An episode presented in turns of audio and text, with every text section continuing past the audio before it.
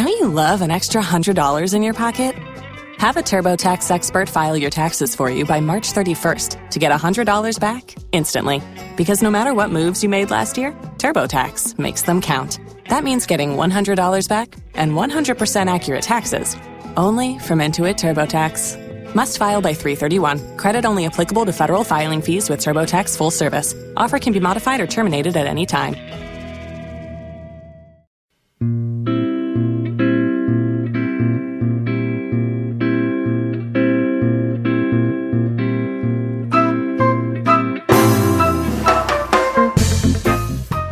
Comeza Atlántico.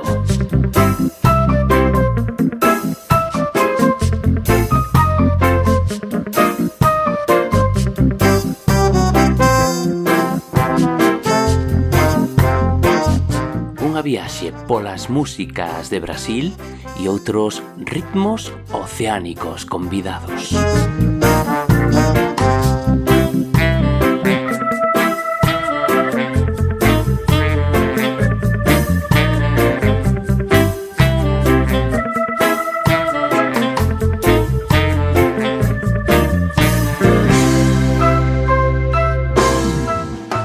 Esta semana abrimos o programa cun samba social baseado na historia real de Xosé Méndez, un policía retirado que se tornou lideranza dunha das favelas máis coñecidas do Río de Xaneiro, o Morro do Pau da Bandeira. Para comunicarse mellor coa favela, Xosé Méndez colocou un altofalante en riba da súa casa para ler noticias, dar notas de falimento, falar de campañas educativas, etc. Co tempo volveuse referencia entre os moradores. Se o Xosé falaba, era verdade, dicían. Que non gostou da historia foi unha das viciñas, casada cun militar que vivía cerca da favela. Como era en plena dictadura militar, ela chamou a policía para reclamar que o son do altofalante a incomodaba, principalmente na hora de asistir ás telenovelas na televisión. Esa historia do Xosé Méndez foi convertida en música pola sambista Lesi Brandão, facendo unha crítica á alienación da poboación por medio das telenovelas e a necesidade do pobo de se organizar para loitar polos seus dereitos. De Lesi Brandão escoitamos Cedo Caroso.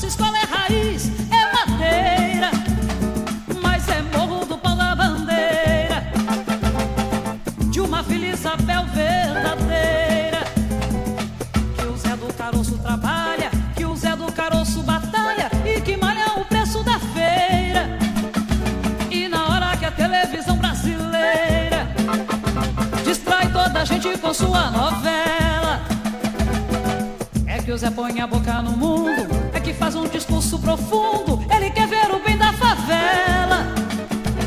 Está nascendo um novo líder. No morro do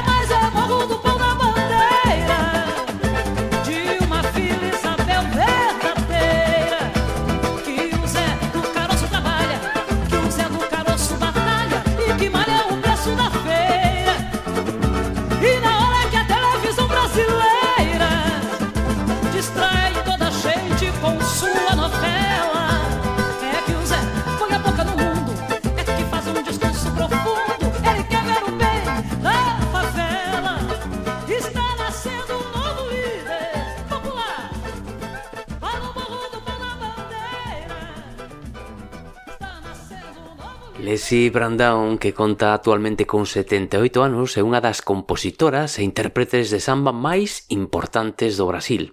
E ten tamén carreira política, xa que foi elixida varias veces como deputada polo Partido Comunista do Brasil, onde se destacou pola súa loita en favor das persoas negras e da comunidade LGBTQ+. De feito, Lexi Brandown foi unha das primeiras cantoras famosas brasileiras a se pronunciar públicamente como lesbiana xa nos anos 70, concretamente nunha entrevista no ano 1978. Aínda que previamente no seu disco de 1976 xa o deixou claro na súa música As persoas e eles, onde les canta. As persoas non entenden porque eles se asumiran, simplesmente porque eles descubriran unha verdade que elas proíben.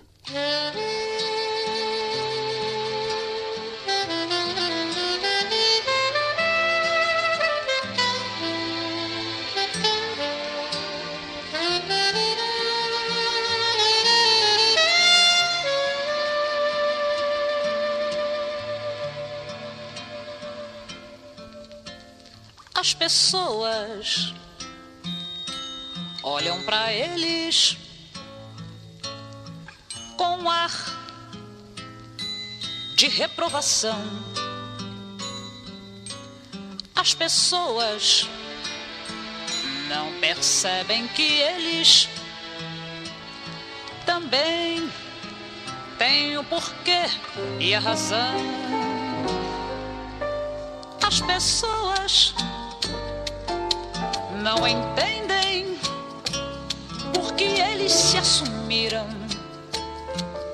Simplesmente porque eles descobriram uma verdade que elas proíbem.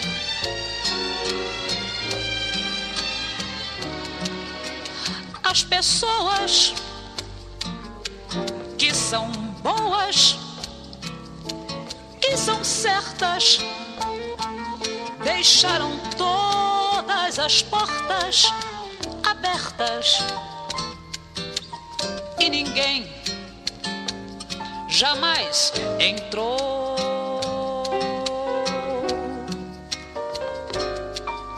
Enquanto eles,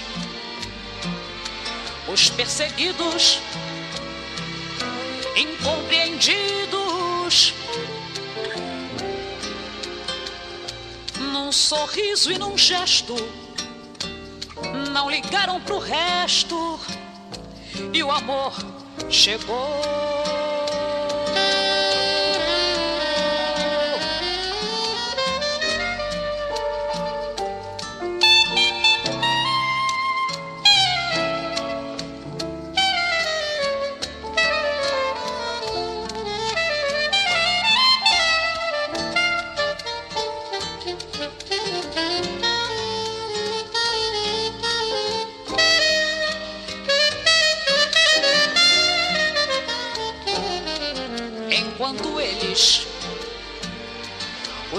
Perseguidos, incompreendidos, num sorriso e num gesto.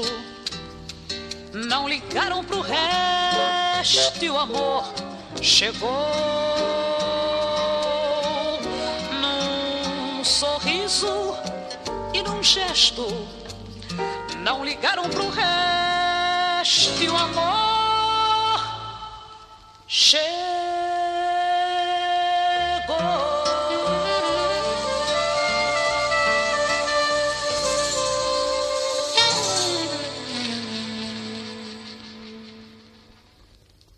E outra desas primeiras artistas a se mostrar como lesbiana publicamente, tamén no final dos anos 70, foi Ángela Rorró, que no ano 1979 cantaba Amor, meu grande amor.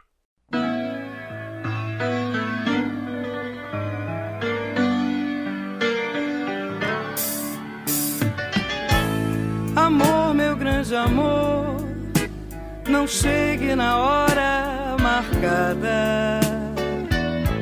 Assim como as canções com paixões e as palavras. Me veja nos seus olhos, na minha cara lavada. Me venha sem saber se sou fogo se sou água. Amor, meu grande amor, me chegue assim, bem de repente, sem nome ou sobrenome, sem sentir.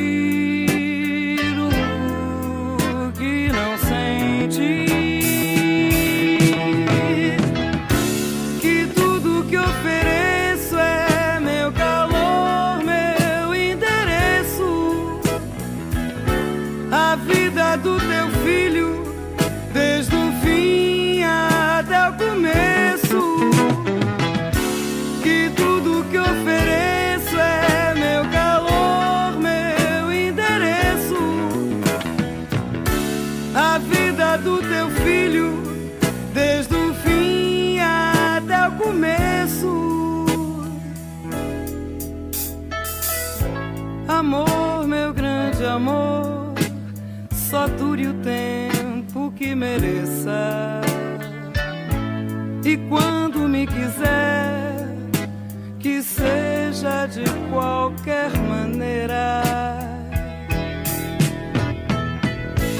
Enquanto me tiver, que eu seja a última e a primeira. E quando eu te encontrar, meu grande amor.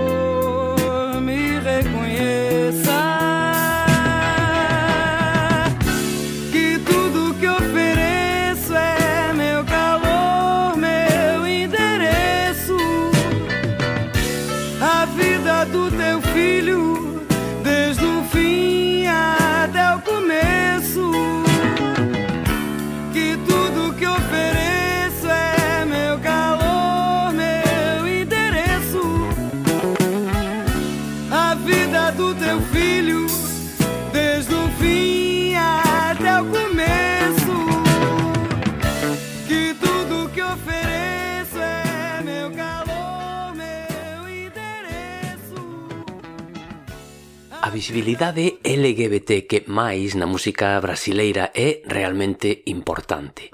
Aquí mesmo no programa teñen soado moitas veces varias das mulleres trans como Liniker, Raquel e Azucena das Bahías ou Urias, entre outras. Atreveríame a dicir que esa visibilidade está incluso por riba da tan poderosa industria musical anglosaxona. E rematamos xa con outra desas lesbianas brasileiras universais, María Betania interpretando en directo un tema de Chico César, Estado de Poesía.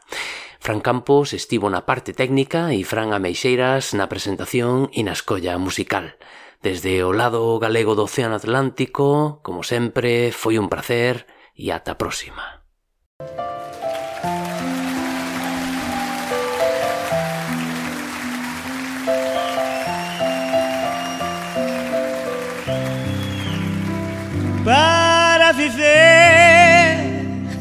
Em estado de poesia. Me entranharia nestes sertões de você para me esquecer da vida que eu vivia de cigania antes de te conhecer de enganos livres que tinha porque queria, por não saber que mais dia menos dia eu todo me encantaria pelo todo do teu ser para misturar meia-noite, meio-dia, enfim saber que cantaria, cantoria que há tanto tempo queria a canção do bem-querer. É belo vez o amor sem anestesia, dói de bom, arde de doce, queima calma, mata cria. Chega, tem vez que a pessoa que namora se pega e chora do que ontem mesmo ria. Chega, tem hora que ri de dentro para fora, não fica nem vai embora.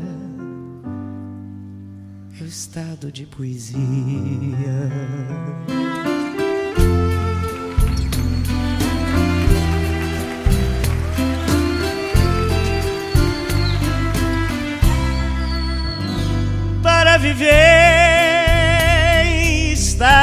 Poesia me entranharia nestes sertões de você.